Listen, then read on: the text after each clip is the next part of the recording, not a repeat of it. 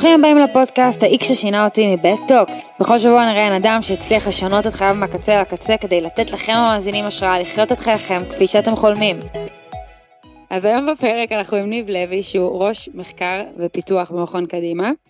ואני וניב מכירים מהתיכון האמת, ולא מזמן ראיתי אותך במסיבה, וכזה, מה, מה אתה עושה היום? מה אתה עושה היום? ואז התחלת לספר לי, ואז התחלתי לחפור לך, טוב, אתה בא לפודקאסט, אתה חייב להגיע לפודקאסט, אנחנו חייבים לדבר על זה, זה מטורף. אמ, אז אני ממש שמחה שאתה פה, איזה כיף. תודה רבה, uh, שמח להיות פה, וכן, זה היה uh, uh, נורא מצחיק איך הכל קרה, איך נפגשנו במסיבה, וכאילו, מה אתה עושה? ואז פשוט הכל כן. איכשהו קרה. לקח לנו קצת זמן להגיע לשיחה נכון. הזאת. אז כן, מרגש להיות פה, yes. תודה שהזמנת אותי. יס, yes, אז מה זה בעצם המקום שאתה עובד בו? קדימה הוא מכון שנמצא בסן דייגו, קליפורניה.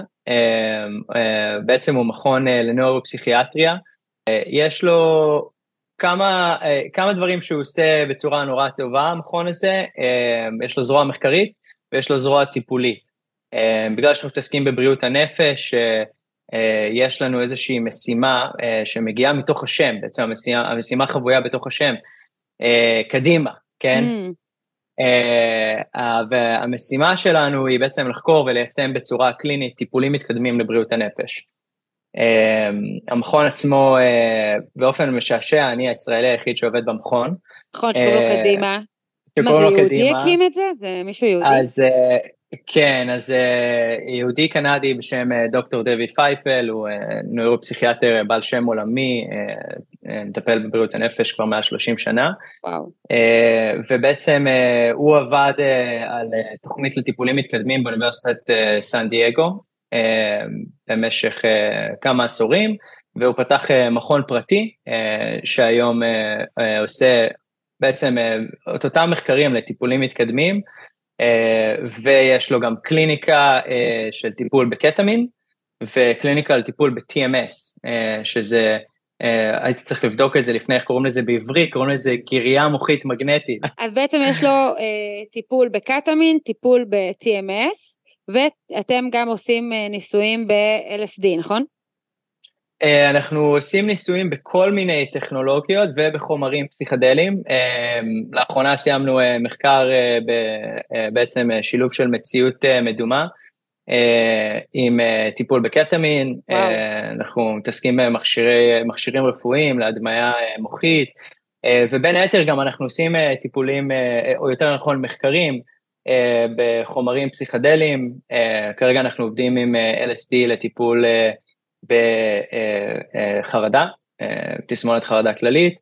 אה, אנחנו מטפלים גם בפטריות הזיה, בפסילוסיבין אה, לטיפול בדיכאון עמיד, ואנחנו הולכים להתחיל עוד רגע גם מחקר 5MEO DMT, גם כן לדיכאון עמיד. אה, ב-DMT? כן, 5MEO. וואו. בעצם מה שכבר יצא לשוק, זאת אומרת שכבר אה, אושר וזה, זה, דף, זה עדיין לא הדברים הפסיכדליים, זה הגריה המגנטית. Uh, כן, האמת שגם uh, קטמין, קטמין הוא לא uh, סם פסיכדלי קלאסי, כלומר mm-hmm. המכניקה שבו הוא עובד היא לא, הוא לא עובד כמו LSD והפסילוסיבין שיחסית עובדים uh, בצורה נורא דומה, uh, אבל uh, החוויה עצמה של אה, הקטמין אה, יכולה להיות נורא פסיכדלית. אה, ולכן אנחנו מחשיבים את זה בתור טיפול פסיכדלי, שאנחנו עושים טיפולים פסיכדליים אצלנו בקליניקה, השימוש של הפסיכדלי שלנו כרגע הוא בקטמין, כי זה בעצם הטיפול היחיד שמאושר בארצות הברית כרגע, וכמו בעצם כל דבר שמאושר פה, הוא חייב קודם כל לעבור איזשהו זמן מסוים דרך, דרך המחקר הקליני. אה, אז בעצם הזרוע המחקרית שלנו עושה היום את המחקרים שכאשר הם יעברו, כן, אם, אם, אם יהיו תוצאות טובות, הם יעברו את משרד הבריאות האמריקאי ויהפכו בעצם להיות טיפולים מאושרים שאנחנו גם נעשה אצלנו בקליניקה. אתה מדבר, בעצם הקטמין כבר מאושר, אבל אתה מדבר בעצם על החומרים, על החומרים האחרים, נכון? על הפסילוסיבין ועל ה-LSD, זאת אומרת עכשיו אתם עושים את המחקרים כדי שבעתיד יהיה אפשר אה, ממש להגיע ולחוות את זה כמטופל מן המניין. נכון, אז היום אנחנו בעצם אה, חוקרים את הפרוטוקולים שבעצם mm-hmm. אנחנו מאמינים שיש להם את היכולת לטפל בדיכאון, בחרדה, ואנחנו בוחנים את זה כמובן עם, יחד עם עוד אתרי מחקר אחרים, בוחנים מאות של אנשים שיש להם הפרעות נפשיות כאלה ואחרות, אם זה דיכאון או אם זה חרדה או אם זה PTSD, ובסופו של דבר כשהמחקר מגיע לשלב האחרון שלו ונאספים כל התוצאות מכל האתרים, אז משרד הבריאות האמריקני בא, מסתכל על החומרים, אומר, טוב, יש לכם משהו ביד שהוא נראה שהוא הולך לעזור לאנשים. הוא לא מסוכן, אמנם יש לו תופעות, יכולות להיות תופעות לוואי כאלה ואחרות, אבל היתרון עולה על הסיכונים, כן. ולכן הדברים האלה בעצם הופכים להיות מאושרים לטיפולים אה, אה, פסיכיאטריים או טיפולים רפואיים כאלה ואחרים. מדהים. אז אני מתה שבגלל שאין לנו הרבה הרבה זמן, בא לי שקצת נתמקד כזה בכל דבר כזה, כזה בנקודות. מה זה בעצם טיפול בקטמין? מה, מה בעצם קורה שם? אה, אז אה, טיפול בקטמין אה, זה בעצם שימוש בחומר שהוא לא חדש, אנחנו מכירים את החומר הזה כבר, אני חושב, מעל 70 שנה, בעיקר בתחום ההרדמות, לפני ניתוחים כאלה ואחרים, בדרך כלל נותנים שילוב של קטמין ועוד כמה חומרים מרדימים.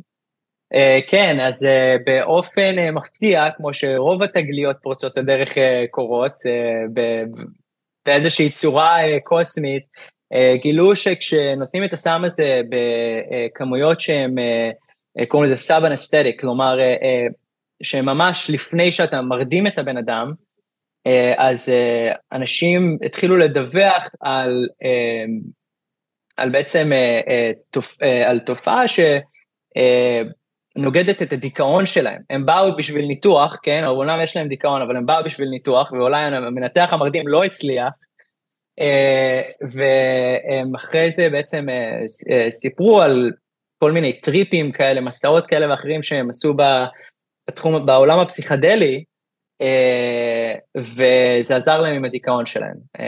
אחרי זה גם הגיע איזשהו מחקר, אני חושב שזה היה עם סכיזופרניה, שניסו להבין אם קטמין יכול לעזור לסכיזופרניה, ומתוכו גם הצליחו להבין שיש לזה תופעות נוגדות דיכאון.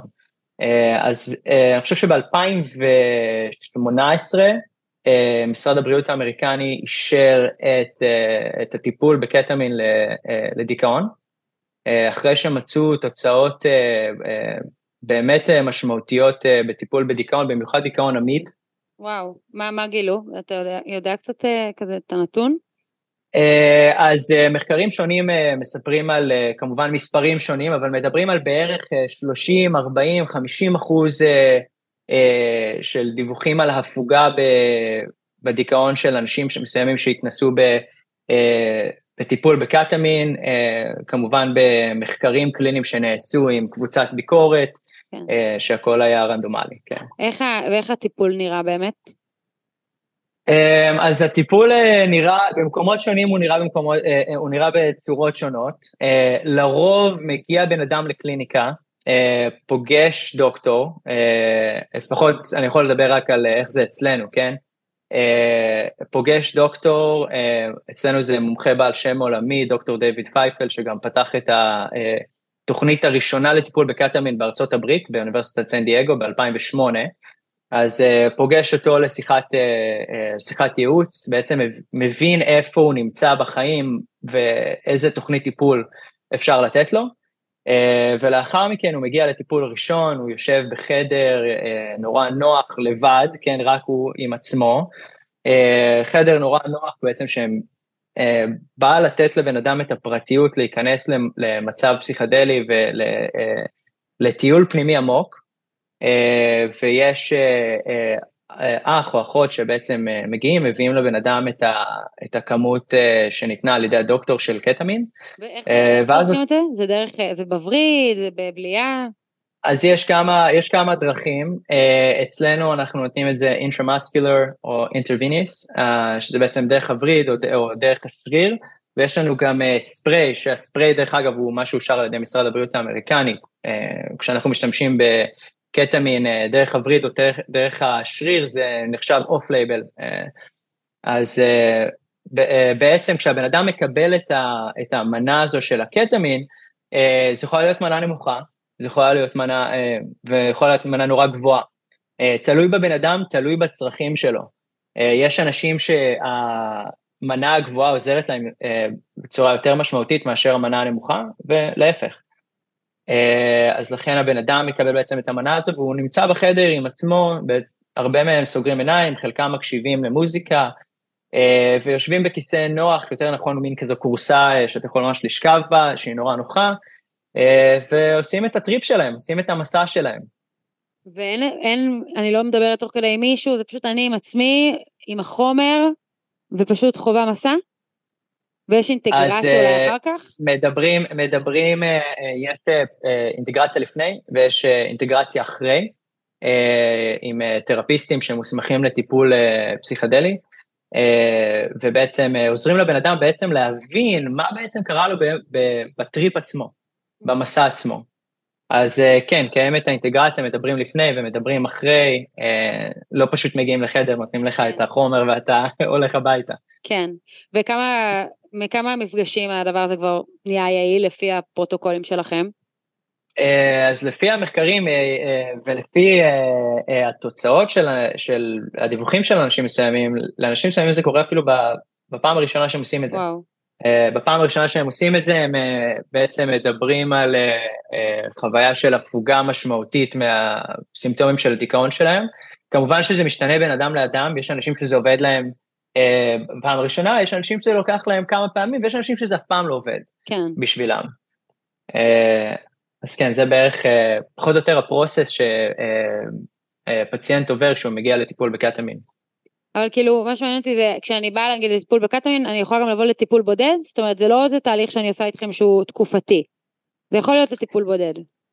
אה, את יכולה לבוא לטיפול בודד, אה, לטיפול בודד, אבל אה, הדוקטורים ימליצו לך כנגד זה, אלא הם ימליצו לך להגיע לפחות לסט של שישה טיפולים, mm. פעם, פעם בשבוע, או תלוי, הם, הם, הם מגדירים את זה על פי, זה נורא פרסונלי. כן. כן זה לאו דווקא, יש אנשים שצריכים כמויות יותר גבוהות ובאינטרוולים יותר, יותר צמודים, ויש אנשים ש... אה, את יודעת, אולי הם עשו סט אה, של אה, שש טיפולים והיום הם מרגישים ממש טוב, ואז עוד שלושה ארבעה חודשים, שזה מה שאנחנו מוצאים, כן, שאחרי איזו תקופה מסוימת, אז כן, ההשפעות האנטי-דיכאוניות פוחתות, ואנשים מגיעים לטיפול שנקרא טיפול מיינטננס, או בעצם טיפול כדי לחזק את ה... את, ה, את ההשפעה, אז הם באים פעם בכמה חודשים לעשות טיפול אחד, ואז את יודעת, חוזרים עוד כמה חודשים כדי לייצב את המצב שהם נמצאים בו, שהם אה, מוצאים את ההפוגה מהדיכאון. ומה, מה, מה, כאילו, מה החוויה הפסיכדלית של הקטמין, נגיד, היא שונה מהחוויה הפסיכדלית של הפטריות, או שזה אותו דבר, זה חוויה, כאילו, זה פשוט חוויה פסיכדלית? לכל דבר? אה, אז זה לא, זה לא אותו דבר, אה, כמו כל חוויה פסיכדלית, נורא קשה לשים את זה במילים. כן. נורא קשה לדבר על זה בצורה שיכולה באמת לתאר מהי החוויה הפסיכדלית, אה, אלמלא באמת מרגישים את זה. אז בגלל שקטמין עובד בצורה טיפה שונה מאשר הסמים הפסיכדליים הקלאסיים, אנחנו מסתכלים עליו בציפה, בצורה טיפה יותר שונה, יש משהו שהוא נורא משמעותי בקטמין, שזה בעצם הדיסוסיאציה מהגוף. Mm. Uh, אנשים מוצאים את עצמם בעצם uh, uh, כמעט יוצאים, הנפש שלהם יוצאת מהגוף והם מסתכלים על עצמם מהצד.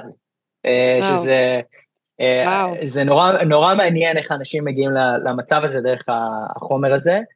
אה, יש הרבה אנשים שמדווחים על hallucinations, על הזיות, הם, הם רואים דברים, אה, ממש אה, חלקם אה, מתארים איזשהו מצב שהם נכנסים לאיזה פיש איי, כן, לאיזה, מאיזה זווית שבו, זווית נורא רחבה, שהם כאילו מטיילים בחללית והם רואים כל מיני דברים ועולים להם כל מיני זכרונות ועולים להם כל מיני אה, אה, דברים ויזואליים. אה, ויש אנשים שאפילו לא רואים כלום, מבחינתם הם רק נמצאים במצב כזה אה, אה, דיסוציאטיבי, אה, וזה בפני עצמו עוזר להם בעצם להבין דברים שעברו להם אה, במהלך השבוע האחרון, במהלך החיים שלהם, ועם אה, סמים פסיכדליים אחרים, אה, כמובן יש חוויות ויזואליות נורא חזקות, וזה עובד במכניקה טיפה יותר שונה מאשר הקטמין, אז קשה לתאר במילים, כן, אבל כאילו יש משהו יותר ויזואלי, ב, ב, נגיד בפטריות וב-LSD, שזה יותר אתה רואה דבר, ממש דברים, ופה זה מרגיש לי יותר כזה קצת כזה זווית אחרת על החיים אולי, אתה קצת יוצא מעצמך, אתה רואה את עצמך מלמעלה, או שכאילו, משהו כזה, או ש... קשה להסביר כן, במילים. קשה להסביר במילים, אני חושב שמבחינת תיאורטית, כן, אני יכול לדבר רק מבחינה תיאורטית כן. על זה, אני חושב שהדיסוציאציה, היציאה מהגוף, היא בעצם איזשהו מבט לתופעה מעניינת שקוראים לה באנגלית witness consciousness, או תופעת העד בעברית, שבעצם בן אדם יוצא מהחוויה הרגילה שלו, של איך שהוא חווה את החיים, אה, והוא בעצם יכול לחשוב על המחשבות שלו, יכול mm. אה, לחשוב על הרגשות שלו, על מה שהוא עובר תוך כדי הזמן שהוא עובר את זה. אה, זה בעצם עוד שלב בתודעה, שלב יותר גבוה בתודעה, שבעצם אפשר להתחיל להבחין בדברים מסוימים או ב patternים או תבניות מסוימות שעוברות אצלך בחיים מהצד, ובעצם להתנתק מה, מהרגשת היום-יום שלך. וזה מביא אנשים למצב שהם פתאום קולטים משהו שכל החיים שלהם הם חשבו שאולי הוא לא נכון, אולי הם צריכים להביט בו מנקודת מבט שונה. אה, ואני חושב שיש לזה איזושהי השפעה על, ה, על הגורם הנוגד דיכאון הזה. מדהים. יש לך נגיד איזה סיפור אה, הצלחה נגיד שאתה יכול לספר על אה, איזושהי מטופלת או מטופל שככה עברת איתם תהליך? אז אני יכול, עם קטמין אני לא מטפל, לכן, לכן אני, לא, אני לא יכול בדיוק לדבר על זה, אני דיברתי עם הרבה מהפציינטים שלנו בעצם על, על הטיפול בקטמין ואיך הם מרגישים אחרי. הרבה אנשים דיברו על בעצם משהו ששינה להם את החיים לחלוטין. על תובנות שאת יודעת, הם חיו במשך 40 שנה ופתאום הגיעו להם איזשהו תובנות uh, מהטיפול בקטמין ששינו להם לחלוטין את אורחי החיים שלהם, את uh, איך שהם מסתכלים על דברים שקורים להם. Uh, יש משהו שקורה הרבה, הרבה פעמים בדיכאון, זה שאנשים חושבים שהחיים קורים נגדם, כאילו דברים שקורים בחיים זה נגדם. כן. ובעצם זה, זה, זה תודעה קצת שגויה, כי החיים פשוט קורים. דברים קורים בחיים, אה, הם לאו דווקא נגדך. יכול להיות שהם משפיעים עליך בצורה אה, נגטיבית, בצורה שלילית, וגורמים לך להיות עצוב אה, וכו', אבל זה לאו דווקא נגדך. אז הם, הם פתאום מקבלים את ההבנה הזאת, אחרי שהם חיו את החיים במשך כמה עשרות שנים, ופתאום, וואו, אולי לא הכל נגדי, ואולי החיים הם כן טובים, ואני רק צריך לשנות טיפה פרספקטיבה ואיך שאני תופס אה, אה, דברים מסוימים שקורים לי. אז אה, כן, קיבלתי פידבק כזה מהרבה פציינטים שזה באמת עזר להם ונתן להם פרספקטיבה על החיים, שהטיפול התרופתי, כן, הכדורים הפסיכיאטריים לא עזרו להם במקום הזה. ואתה יודע, כשכתבתי שאני עושה איתך את הפרק, אז כמה אנשים כתבו לי, כן, אני מת על קטמין, זה באמת עוזר לי, אני עושה את זה מדי פעם בבית בכמויות קטנות, זה, עכשיו, אני כזה, אוי, לא, זאת לא הייתה, אה, זה לא, לא, לא לזה התכוון המשורר, אז מה בעצם אה, ההבדל בין השימוש בקטמין במסגרת שהיא באמת רפואית וטיפולית, לבין הצרכן שיושב אה, בבית ועושה באם? כן, אז שאלה, I mean, זו שאלה אה, משעשעת, אבל אה, אני מאמין שהרבה אנשים אה, שכן כאילו, אני מרגישה שהרבה אנשים חושבים בצורה הזאת. כן, אני מרגישה שהרבה אנשים שאני פוגשת במהלך החיים נורא משתמשים בחומר הזה כי הוא נותן להם איזושהי הפוגה מהכאב, אבל זה כבר נהיה מין abuse כזה. אמ, ומעניין אותי כאילו מה, מה אתה חושב, באמת למה במסגרת טיפולית באמת יש אפקטים איך זה נוגד את הדיכאון וכשבן אדם עושה את זה כנראה בבית כל יום על הספה הוא נהיה באמת כאילו מכור, מה, מה ההבדל? כן, אני חושב שיש אה, אה, פה עניין של אה, מה ה-intention, מה בעצם המטרה שלך כשאתה לוקח את החומר הזה. זה שילוב של כמה דברים, זו המטרה, זה ה set ו setting, כשאנחנו מדברים על set ו setting, אה, אנחנו מדברים בעצם על אה, שני גורמים מרכזיים שמשפיעים על אופי החוויה, שזה המצב והמבנה הנפשי של הבן אדם בזמן שהוא לוקח את החומר, וגם, וכמובן המוכנות שלו לזה, ויש גם אז את ה setting, שזה בעצם הסביבה הפיזית שאיפה אתה לוקח את הדבר הזה, איפה אתה לוקח את החומר הזה. ואיפה שאתה נמצא על, על, על, על הגורמים האלה, ישפיע האם מה שאתה עושה הוא תרופה, או האם מה שאתה עושה הוא סם of abuse, כן? Uh, ואני חושב שזה נורא חשוב לשים לב לזה, הרבה אנשים שהם לוקחים במפים, אז הם לוקחים את זה ב, uh, באיזושהי אה, סביבה שהיא חברתית, עם, עם אנשים אחרים, אולי במסיבה, אולי במועדון, או, או whatever that is. Uh, וזה לא בדיוק הסטינג שבו uh, חקרו את החומר הזה להשפעות הנוגדות דיכאון שלו. כן. Uh, אז אני חושב שמי שרואה בזה איזשהו תירוץ לקחת את זה, כי זה, מה, מדברים על זה כל הזמן, זה נוגד דיכאון וזה, אני חושב שזה לא נכון להסתכל על זה ככה, וחשוב באמת להתייחס למצב הנפשי שאתה נמצא בו, לסביבה הפיזית שאתה נמצא בה, וגם מה, מה המטרה שלך כשאתה עושה את זה. האם אתה באמת עושה את זה בצורה אה, רפואית על מנת לטפל בדיכאון שלך, או אם אתה עושה את זה בשביל אה, אה, לברוח מהמצב הנפשי שלך, או... כן. אה, נורא כן. בורחים בתל אביב עם מכת המין, זה ממש נהייתה מכה בעיר. כאילו שאנשים ש... יושבים בבית סוף היום ו- ועושים, ובאמת חשוב להדגיש שזה לא ה...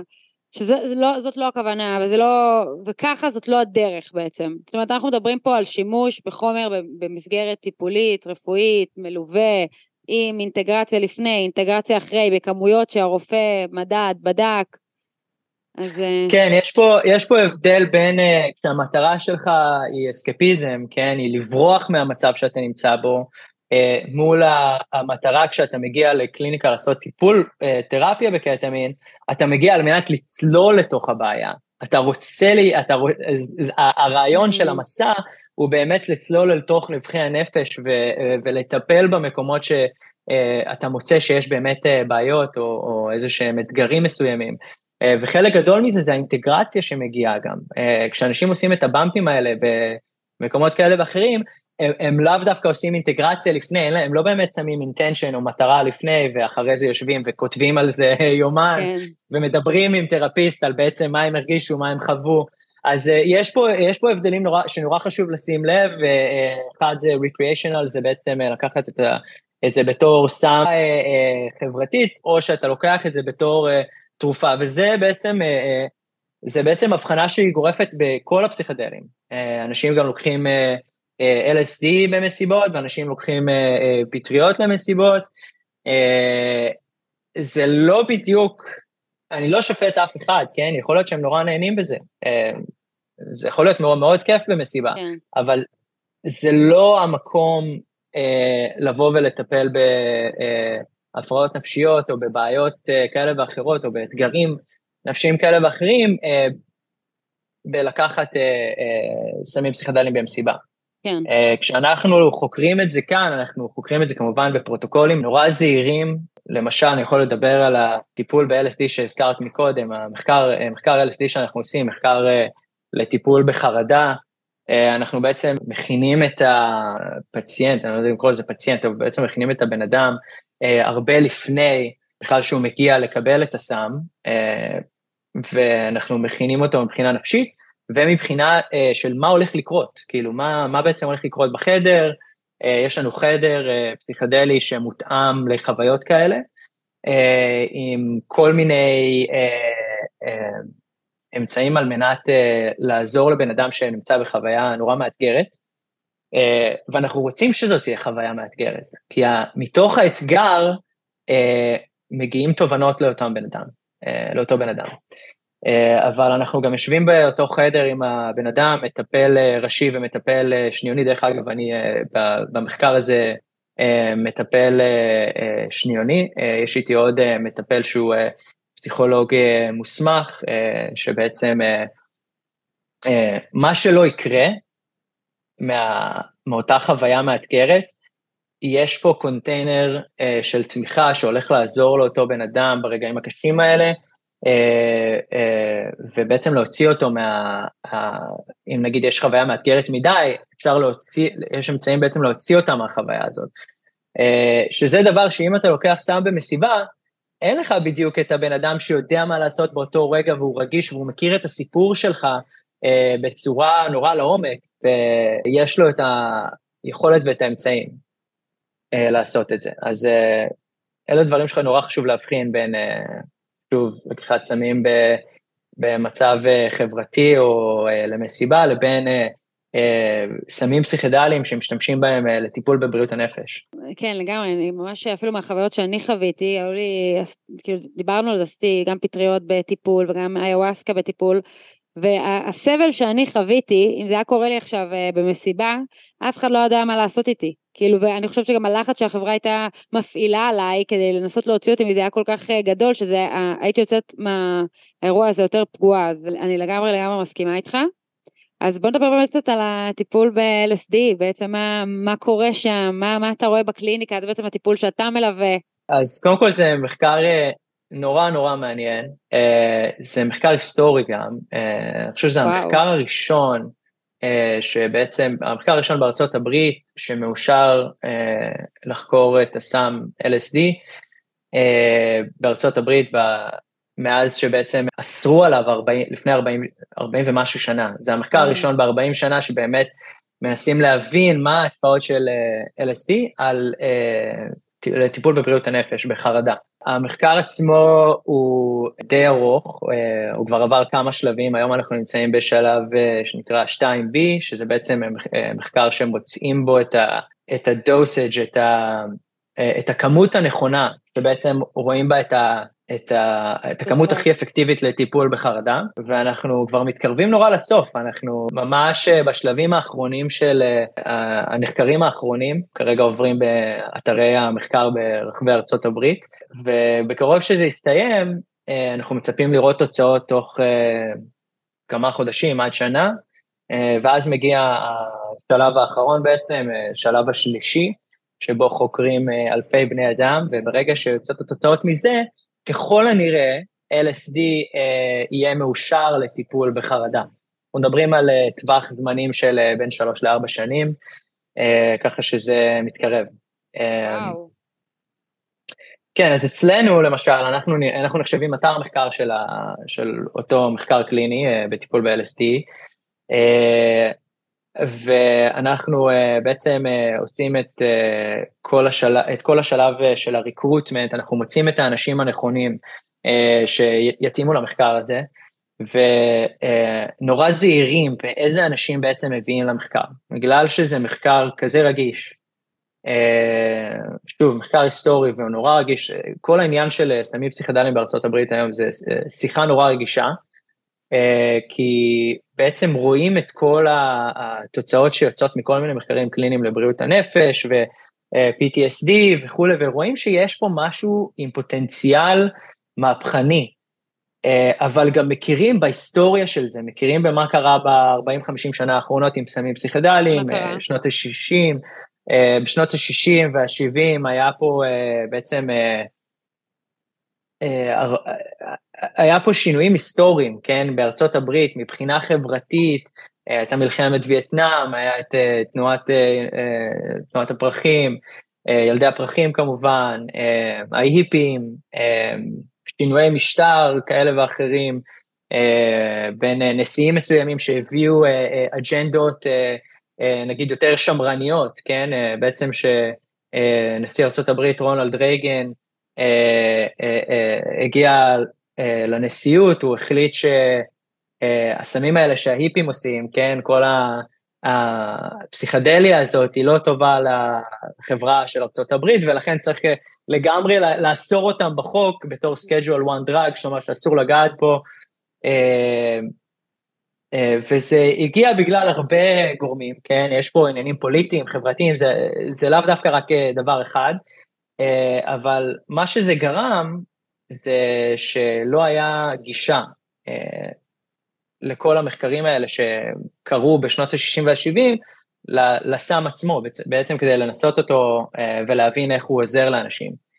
אה, ומעבר לזה גם היה פה מהפכה תרבותית בכל מה שקרה עם המלחמה בסמים, ה-war on drugs, גרמו פה לאנשים לחשוב שאם אתה עושה LSD, אתה חושב שאתה הופך לתפוס ואתה מתחיל לקלף את עצמך. נכון. אז אה, היה כל מיני אה, מיתוסים מסוימים שאת כן. יודעת, הביאו אנשים לחשוב דברים נורא נורא שליליים, ויש עד היום סטיגמה מאוד שלילית על סמים פסיכדליים, ולכן יש פה עניין נורא רגיש. אז להחזיר את זה לאיפה שאנחנו היום, השימוש ב... ב-LSD, אנחנו כרגע מנסים להבין את זה רק לאנשים שיש להם, במחקר הזה, רק לאנשים שיש להם תסמונת חרדה כללית. אנחנו נמנעים למשל מלהביא למחקר הזה אנשים שיש להם גם הבחנה של סכיזופרניה, או דו-קוטביות והפרעות אישיות כאלה ואחרות שיכולות להעפיל על תוצאות המחקר. אז נורא קשה למצוא את האנשים האלה. אנשים חושבים שוואו, בטח כולם רוצים לקחת LSD כדי לנסות את זה, אבל זה נכון, הרבה מאוד אנשים פונים אלינו, הרבה מאוד אנשים רוצים להיות חלק מהמחקר הזה, אבל יש תנאים נורא מגבילים, ומעבר לתנאים המגבילים, גם יש תהליך נורא ארוך, זה לא אתה מגיע ואתה מקבל את הסם ואתה הולך הביתה, יש פה תהליך של כמעט שנה של צריך לחזור ולקחת הערכות ממך ולקחת בדיקות טעם וכל מיני בדיקות כאלה ואחרות, בעצם להבין איך הסם משפיע עליך במשך השנה הזאת. ואתה יכול, אתה בטח, יש דברים שאתה בטוח לא יכול להגיד, אבל כאילו דברים שראית, דברים שראית שה-LSD משפיע על אנשים, מהחוויה שלך כזה? אז אני לא יכול בדיוק לדבר, כן, אני לא יכול לדבר בדיוק על סטטיסטיקות או על חוויות אישיות של אנשים, בגלל שאני מנוע מחוק כן. הפרטיות של הבריאות כאן. מה שאני כאן יכול לדבר עליו זה תבניות מסוימות ששמתי לב אליהן, שהבחנתי בהן בטיפולים שישבתי בהם. יש אנשים שקיבלו כמות גבוהה של LSD, יש אנשים שקיבלו כמות נמוכה יותר. זה עובד בצורה אחרת על אנשים מסוימים. יש אנשים שהכמות הנמוכה עבדה עליהם בצורה מעולה. והם חזרו אלינו יום אחרי הטיפול והם אמרו, וואו, יש כרגע דברים שאני חושב עליהם שבחיים לא חשבתי ככה, ושברתי תבניות מחשבתיות שבמשך כל החיים שלי אני נאבק בהם, ופתאום התופעה הזאת שקרתה לי מהסם הפסיכדלי, גרמה לי להבין דברים בצורה אחרת. ושוב, אני חוזר למה שאמרתי מקודם, זה תופעת העד הזה, ה-witness הזה, ה-witness consciousness, משהו ששמתי לב אליו, ואנשים פתאום רואים את החיים בצורה, אחרת, וזה משפיע על איך שהם מסתכלים על דברים מסוימים. שמתי לב שאנשים שהם טיפה התעסקו יותר באינטגרציה של, של החוויה שלהם, כלומר היו נורא קפדניים על לכתוב כל דבר, ולקרוא את זה אחרי זה, ובאמת לנסות to make sense, בעצם להבין מה קרה שם, היה להם תובנות טיפה יותר משמעותיות, שזה גורם לי לחשוב מבחינה תיאורטית שהאינטגרציה פה היא מאוד מאוד חשובה. זה חשוב, אז... זאת אומרת זה לא כדור פלאים שלקחת אותו ואז אתה בלי בעיה, זאת אומרת יש פה תהליך שאדם צריך להיות מחויב אליו, כדי שהוא באמת יהיה אפקטיבי. כן, בדיוק, החוויה הפסיכדלית עצמה זה בעצם רק ההתחלה. כן. העבודה, העבודה העצמית האינטגרציה של אחרי, אני חושב ששם באמת אה, אה, נמצאות התובנות הרציניות שיכולות לשנות לאנשים את החיים. כי אתה יודע, בסופו של דבר כשאנחנו אה, מדברים על, מח, על המחקר בטיפול בסמים פסיכדליים לבריאות הנפש, אה, אנחנו לא רוצים לטפל בסימפטומים, אנחנו רוצ, רוצים לטפל בשורש הבעיה. כן. אה, ובשביל לטפל בשורש הבעיה, אה, צריך בעצם להגיע למצב של אה, שינויים מסוימים בתפיסה של בן אדם, כן? של איך שהוא רואה את החיים. Uh, לסמים פסיכדליים יש uh, מה שנמצא במחקרים על איך הסמים פסיכדליים עובדים על המוח, זה שיש טרם כזה שאני בטוח שאנשים שמעו כבר, קוראים לו Neuroplasticity, שבעצם יש שינויים במוח, נוצרים קשרים חדשים בין תאי עצב mm-hmm. או בין רשתות מסוימות של תאי עצב במוח, אה, והיצירת רשתות חדשות האלה, אה, אה, בעצם יש לזה את הפוטנציאל לבוא ולשנות לבן אדם תפיסה מסוימת על משהו שכל החיים הוא חשב בתבנית מסוימת, ברשת מסוימת של זיכרונות, פתאום יש איזשהו connection אחר, יש איזה קשר אחר שפתאום יצר אצלו איזה אהה moment, או כזה, את יודעת, קוראים לזה הנורה מעל הראש. כן.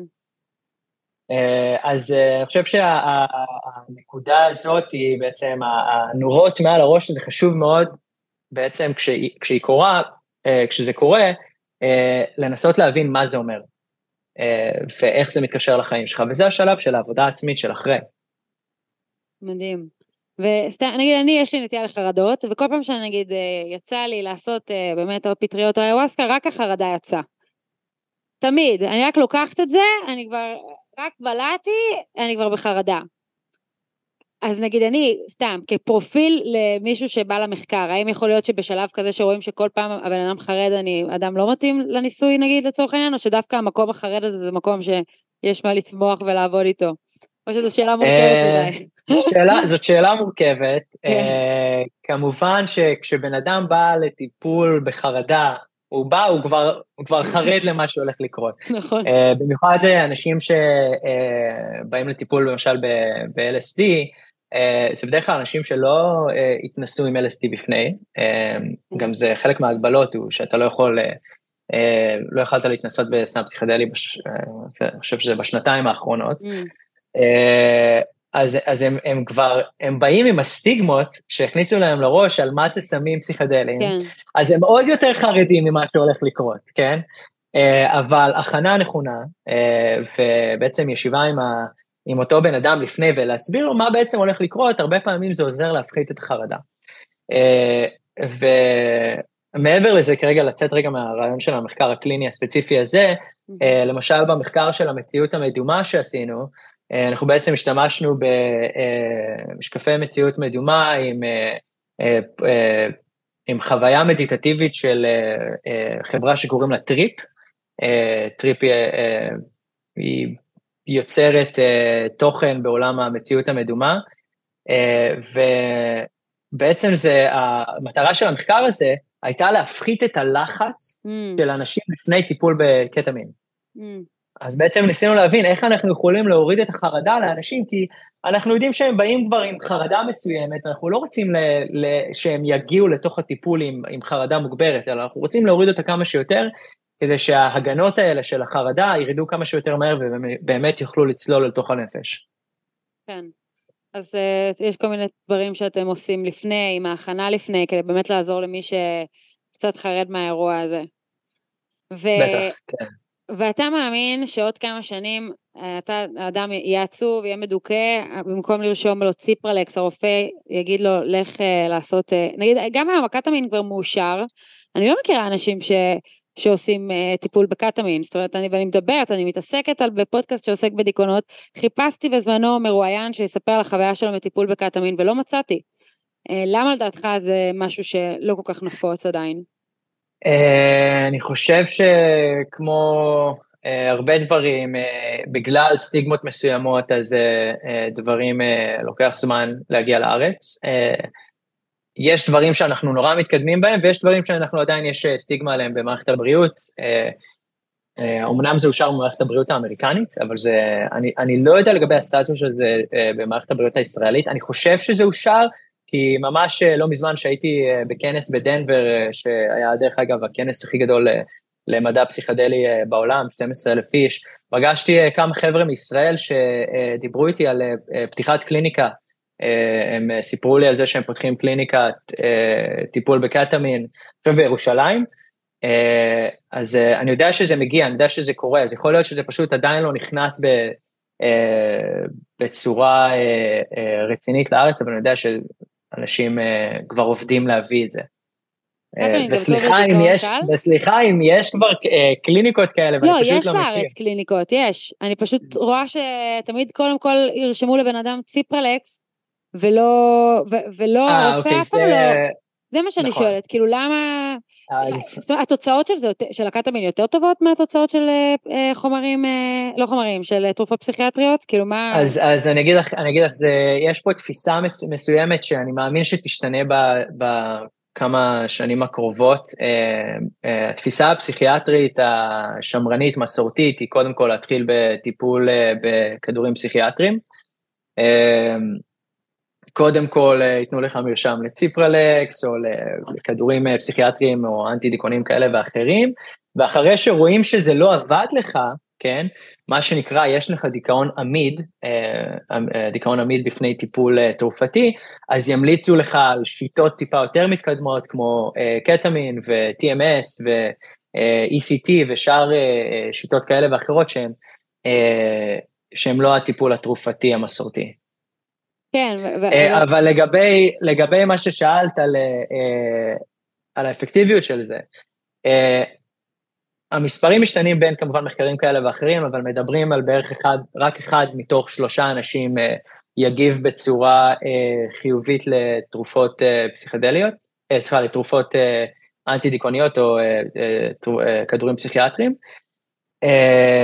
שזה לא מספר גבוה. No. כלומר, יש הרבה מאוד אנשים שהם כן בעלי דיכאון עמיד נגד תרופות. לקטמין יצא לא מזמן, אני חושב שזה היה בנייצ'ר, יצא מחקר שבעצם בחן את, ה, את האפקטיביות של, בין מחקרים שונים, כן? בין קטמין תרפי, טיפול בעזרת קטמין, לבין ECT, Electroconvulsive Therapy, שזה בעצם טיפול בעזרת זרמים חשמליים, טיפול די מוכר, קיים כבר מעל מאה אם אני לא טועה, אבל הוא טיפול שיש לו כל מיני תופעות לוואי כאלה ואחרות נורא קשות, אבל הוא עובד בצורה מעולה, כן, ובגלל זה הוא היה הגולד סטנדרט של טיפול, טיפול בדיכאון במשך שנים, אז המחקר הזה בעצם בא ואומר שטיפול בקטמין הוא לא פחות אפקטיבי מאשר טיפול ב-ECT. מה שניתן להבין מזה, אני חושב שאת זה אמר אחד מהפרופסורים מהרווארד, כשהוא בחן את המחקר הזה. אז, אז ממה שניתן להבין מזה, כן, מבחינה דידק, uh, uh, דידקטיבית, כן, זה שהטיפול בקטמין הוא די משמעותי, uh, והוא הופך להיות הגולד סטנדרט החדש של טיפול בדיכאון. ואפשר לראות את זה גם בפופולריות שהוא תופס, כן? אמנם הוא רק ב-2018 הפך להיות חוקי פה לטיפול בארצות הברית, אבל היום יותר ויותר קליניקות של טיפול בקטמין נפתחות בכל, בכל העולם. גם בישראל, uh, בארצות הברית יש היום בכמעט כל עיר uh, טיפול בקטמין, וזה איכשהו חצה את הסטיגמה uh, שיש נגד טיפול בחומרים פסיכדליים. איכשהו זה נהפך להיות די נורמטיבי. את יודעת, אנשים שאת תמצאי במקומות שמרניים, בטקסס או ב, את יודעת, בדרום האמריקאי, פתאום מדברים על קטמין תרפי בתור טיפול uh, uh, פורץ דרך, שכאילו וואו, צריך לנסות את זה. Uh, uh, דרך אגב, uh, סיפור מעניין, אנחנו, דרך, אנחנו גם מביאים היום, קדימה, כלומר, ודוקטור דויד פייפל, הראש של, ראש המכון עצמו, מייעץ לממשלת רואנדה להביא טיפול בקטמין לרואנדה, להפוך להיות טיפול סטנדרטי במערכת הבריאות שלהם, שזה גם כן משהו די משמעותי, כי באפריקה אין יותר, יש איזשהו הם נשמרים מטיפולים פסיכיאטריים מערביים והם נזהרים מזה, ולכן זה שזה מגיע עכשיו לאפריקה, אני חושב שזה הולך להיות המקום הראשון באפריקה שמטפלים בו בקטמין, חוץ מ... אני חושב שיש איזה מרפאה פרטית אחת בדרום אפריקה שמטפלת בקטמין, אבל זה בשורה לכל היבשת, שבתקווה ש... אה, לשם יגיע אה, טיפול בקטמין בהתחלה, ואחר כך בטיפול בסמים פסיכדליים, וטיפול בבריאות הנפש. וואו. אז... אה, איזה טירוף, שעוד מעט... כאילו, נגיד, היית ממליץ באמת לבן אדם שסוחב דיכאון אה, עמיד, אפילו קל, ל- ללכת ל- לברר על זה? זאת אומרת, זה משהו שמהחוויות שאתה רואה במרפאה מאנשים, זה משהו שאתה רואה שבאמת עוזר? Uh, כן, אני חושב שבן אדם שנמצא עם, טיפ, uh, עם דיכאון עמיד ובאמת uh, טיפול uh, תרופתי לא עזר לו ונמצא uh, במקום uh, אפל ולא טוב בחיים שלו, בטח, אני ממליץ לנסות uh, ולראות, כי יכול להיות שטיפול התרופתי לא עבד, אבל יכול להיות שהטיפול שה, בקטמין יעזור מאוד, אז uh, חשוב מאוד לנסות ולהמשיך, ולהמשיך uh, לנסות למצוא את הטיפול הנכון שיכול לעזור ולשנות את החיים של אותו בן אדם. כן. אז, כן, אני ממליץ לנסות את זה, ואני ממליץ לנסות את ה-TMS, את הגריה המוחית כן. המגנטית. יש המון עכשיו הייפ סביב הטיפול בפסיכדליה, ומעניין אותי מה, מה אתה חושב על ההייפ הזה, האם הוא מוצדק, מה, מה ההשלכות שלו. Uh, תראי, זו שאלה מורכבת, אני אנסה לתת תשובה כמה שפחות מורכבת. יש הייפ, ויש גם הייפ שהוא לא מוצדק מסביב לכל המהפכה הפסיכדלית. Uh, אני חושב שיש אנשים שהסמים פסיכדליים נורא יכולים לעזור להם, יש אנשים שזה לא יעבוד בשבילם. אה, אז אה, כשאנחנו למשל מסתכלים בנטפליקס ואנשים רואים אה, כל הסדרות האלה שמספרות על וואו, לקחתי פטריה והחיים שלי השתנו לחלוטין. זה לא, אז אני יודע, הסיפור, אני יודע שהסיפור שלך גם מתקשר לזה, יש כן. לך סיפור שלם לגבי זה.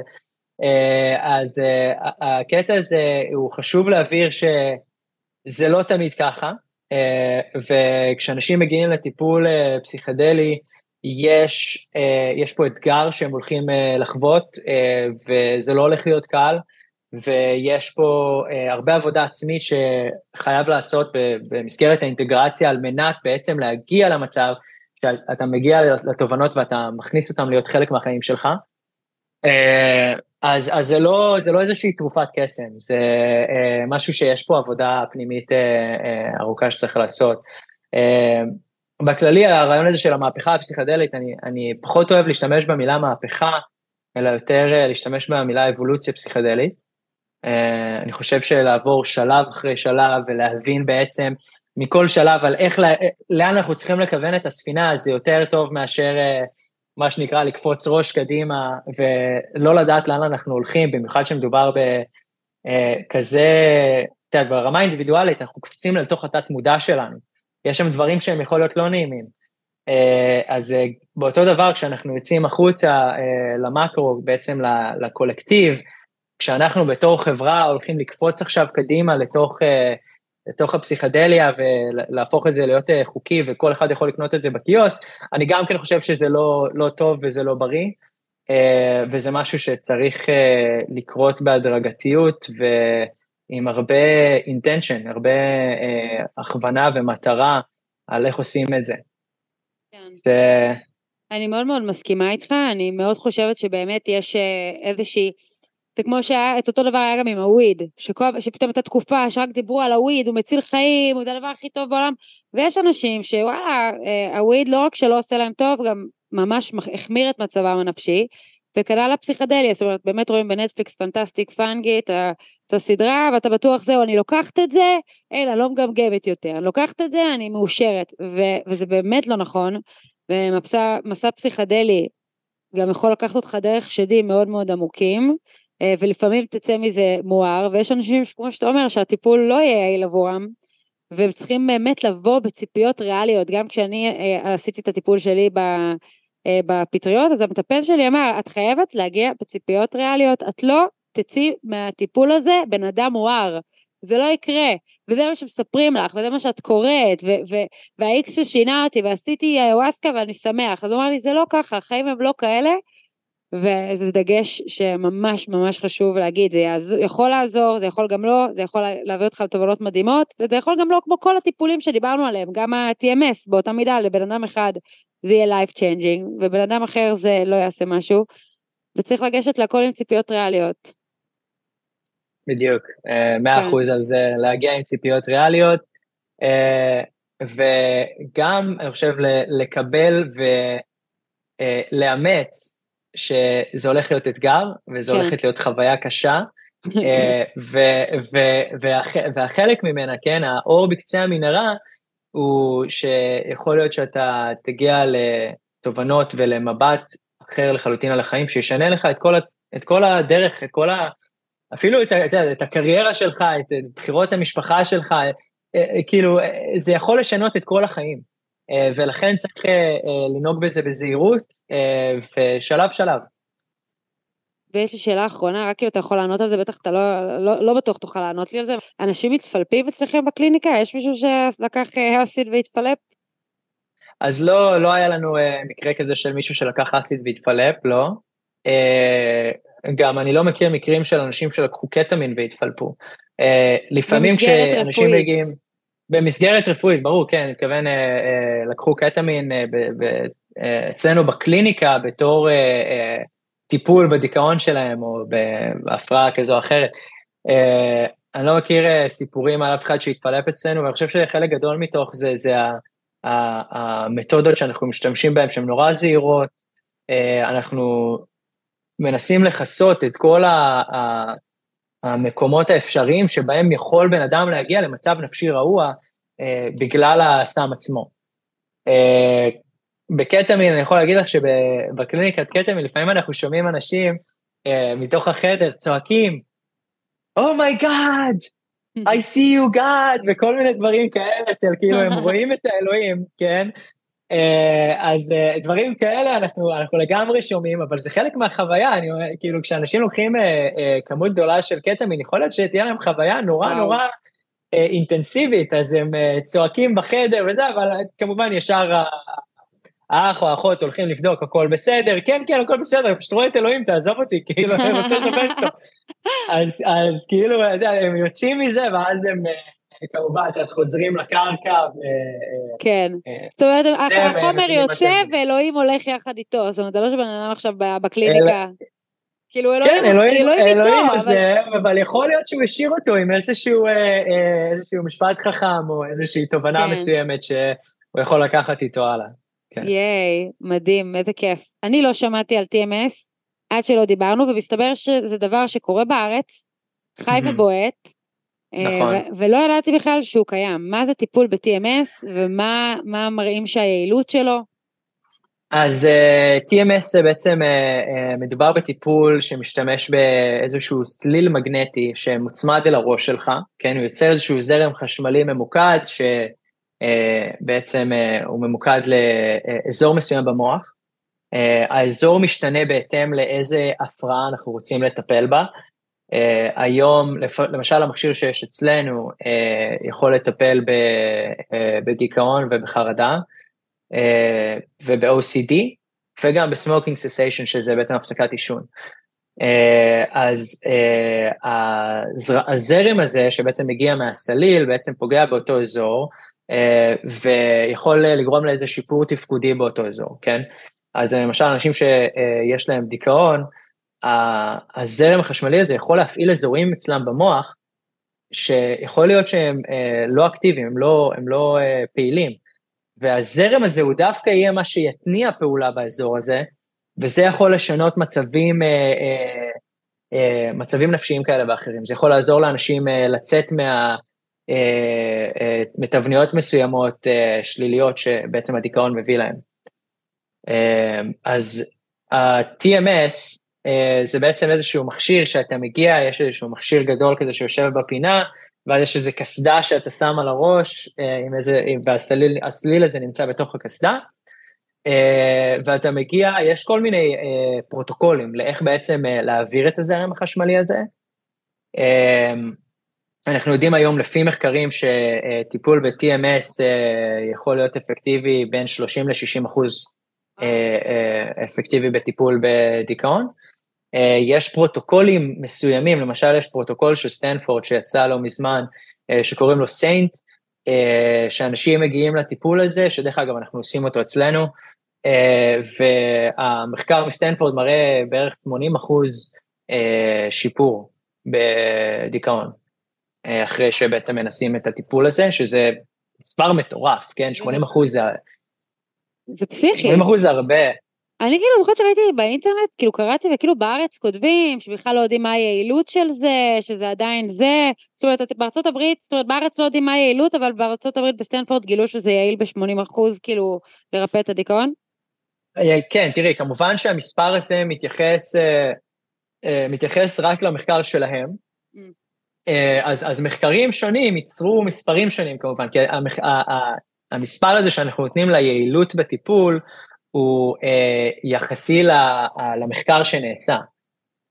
אז כשאנחנו מסתכלים על מחקר אחד, כמובן אי אפשר להגיד בצורה ודאית שזה 80 אחוז, אבל כשנעשים עוד ועוד ועוד מחקרים על זה, אז בעצם נוצר איזשהו גב, גב מדעי לבוא ולהגיד, יש לנו בערך 20-30 מחקרים שנעשו על הדבר, שהצליחו לשחזר את, ה, את הפחות או יותר את המספר הזה של בין 70 ל-90 אחוז, בגלל זה אמרתי מקודם 30 ל-60 אחוז. כן. אז בעצם אנחנו יכולים להגיד באיזושהי, לא בוודאות, אין שום דבר ודאי, אבל אנחנו יכולים להגיד באיזשהו ביטחון מסוים, שבין המספרים האלה אנשים יחוו שיפור בדיכאון שלהם, כן. וואו, ומהדברים שאתה רואה באמת אצלכם, אתה באמת רואה אנשים שדברים משתנים אצלם? עוברים משהו אה, משמעותי? כן, האמת שבחלק מהעבודה שלי אני אוהב אה, ללכת אה, ולדבר עם פציינטים שנמצאים בחדר המתנה, ובאמת ככה, את יודעת, לשאול אותם איך, ה, איך הטיפול ואיפה הם, מה הצרכים שלהם ואיך אנחנו יכולים לשפר את החוויה שלהם ואת ה, בעצם את הטיפול כדי שהוא יעזור להם יותר בחיים. ולא מזמן פגשתי uh, מישהי בחדר המתנה שלנו, ושאלתי אותה כאילו, מה את עושה, איזה טיפול את, אה, לאיזה טיפול את מגיעה פה, היא אמרה לי שהיא הגיעה ל-TMS, uh, שאלתי איזה טיפול זה שלה, טיפול שני או שלישי שלה, ורק שנבין שנייה פרופורציה, טיפול ב-TMS uh, בפרוטוקולים מסוימים יכול לקחת עד 30 טיפולים, כן? אז היא הייתה בטיפול שני או שלישי מתוך 30. Uh, וכששאלתי אותה איך היה הטיפול, היא פשוט פתחה לי שם תיבת פנדורה של אתה לא מבין, אני כל החיים שלי, אה, אה, יש לי PTSD, אה, ולפני איזה עשור גם קיבלתי דיכאון, דיכאון נורא חריף, לא הצלחתי לצאת מהמיטה, לא הצלחתי לצאת מהבית, כאילו לא, החיים שלי פשוט השתנו בצורה דרסטית, ככה שכל הסביבה שלי נפגעה ממנה. בעלי, אני בקושי מדברת איתו, אני בקושי מדברת עם הילדים, אה, ובמשך עשר שנים אני ככה, ואני הולכת מדוקטור לדוקטור, מקבלת תרופות פסיכיאטריות כאלה ואחרות, אה, ואז הגעתי לכאן, לקליניקה שלכם, ניסיתי גם טיפול בקטמין לפני זה, דרך אגב, רק לדבר על ה... על, על להמשיך לנסות, כן? זה מה שדיברנו מקודם, כל הזמן להמשיך לנסות. אחר. וואי, ממש. בדיוק, אז, אז, אז היא ניסתה תרופות פסיכיאטריות כאלה ואחרות, היא ניסתה, היא אמרה לי שניסיתי הכל. אה, וזה לא עזר לה, ואפילו טיפול בקטמין לא עזר לה. אה, אמרה שזה עזר לה מעט, אבל לא, לא ממש, זה לא באמת פתר לה את זה. וכשהגיע לדוקטור אה, פייפל בעצם להמשך ייעוץ, הוא אמר לה, תקשיבי, יכול להיות שהקטמין הוא לא, הוא לא בדיוק בשבילך, יש אנשים מסוימים שזה עובד בשבילם, יש כאלה שלא. בואי ננסה TMS. והיא ניסתה את ה-TMS, טיפול שלי, שני או שלישי שלה, והיא פשוט אמרה, תקשיב, החיים שלי השתנו מקצה לקצה. ואני כאילו הסתכלתי, אמרתי לה, וואו, ספרי לי יותר, כאילו, מה, מה בדיוק קרה? אמרה לי, אני לא יודעת, מאז שהגעתי לפה, בטיפ, פתאום בטיפול השני, חזרתי הביתה, והחלטתי ללכת לעשות קניות. אמרתי לה, אוקיי, וזה חדש לך? אמרה לי, כן, אני לא יצאתי מהבית, שתבין, אני לא עשיתי קניות, זה כל הזמן שלחתי את בעלי. אה, ווואלה, הלכתי, עשיתי קניות, ובישלתי ארוחת ערב. ואמרה לי, הילדים שלי הסתכלו עליי, והם היו בשוק, כאילו, מה זה, מה קורה כאן? ובעלי גם כן היה, מה, מה הכל בסדר? כאילו, וואו.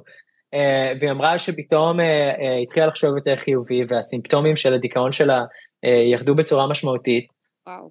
Uh, וזה uh, נורא ריגש uh, אותי לשמוע אותה, אז הזמנתי אותה ואת בעלה לשיחה איתי, uh, בעצם uh, כמה ימים אחרי זה. לך זה שבוע או שבועיים אחרי זה, וישבנו בחדר, ואני יושב עם בעלה, ואני אומר לה, כאילו, עכשיו כבר את בטיפול אה, שישי או שביעי שלך, או משהו כזה, ספרי לי רגע על איך את מרגישה עכשיו. והיא אמרה, תקשיב, מאז שהתחלתי, זה פשוט הולך ומתגבר ונהיה יותר טוב. אה, אני יוצאת יותר מהבית, אני מדברת עם הילדים, אני, אני אקטיבית, אני לא מרגישה חרדה לדבר עם אנשים ברחוב. אני שואלת אותם שאלות, וזה משהו שלא, לא רגיל מבחינתי. Uh, ואז אמרתי לה, אוקיי, זה, תשמעי, זה קודם כל סיפור נורא מעניין, uh, ושאלתי את בעלה, כאילו, איך, איך זה מרגיש לך? ואמרה לי, תקשיב, זה באמת שינה אותה, כאילו, זה לא, זה שינה את החיים שלי לחלוטין, כי פתאום יש לי פרטנרית. וואו.